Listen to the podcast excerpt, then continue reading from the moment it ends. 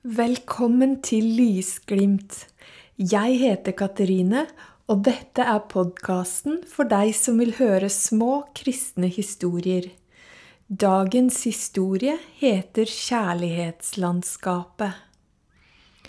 Jeg går inn i et vakkert landskap. Fargene danser i rødt, gult og gull. Jeg strekker ut armene mine og smiler forsiktig forventning, glede, kjærlighet. Jeg føler meg elsket. Det er du også. Jeg snur meg og ser han. Du elsker meg. Det er ikke tvil i mitt hjerte. Hele han utstråler kjærlighet. Jeg er kjærlighet, og jeg elsker deg. Jeg går forsiktig bortover en liten sti og sparker litt i en sten. Det kiler litt i magen. Hvordan kan jeg få sagt det jeg trenger å si? Jeg har alltid vært litt redd for at det ikke er sant. At det bare var som et eventyr. At du til slutt kom til å forlate meg, sånn som alle andre.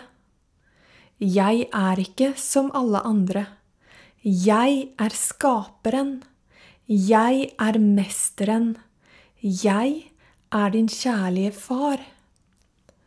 Du er vakker. Du er mitt mesterverk. Du trenger ikke være redd. Jeg kommer til å elske deg. Alltid. Når jeg ser på deg, klarer jeg ikke la være å smile. Jeg fryder meg over deg. Min kjærlighet til deg kommer aldri til å ta slutt.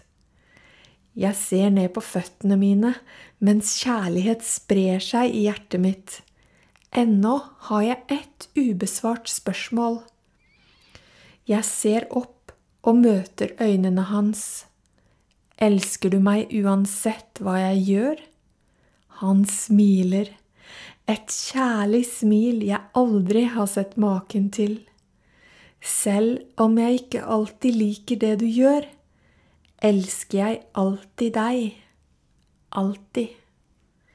Hjertet mitt er fullt av hans kjærlighet.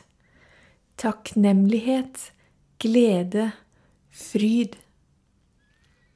Jeg ler mens jeg ser mot gullet i landskapet.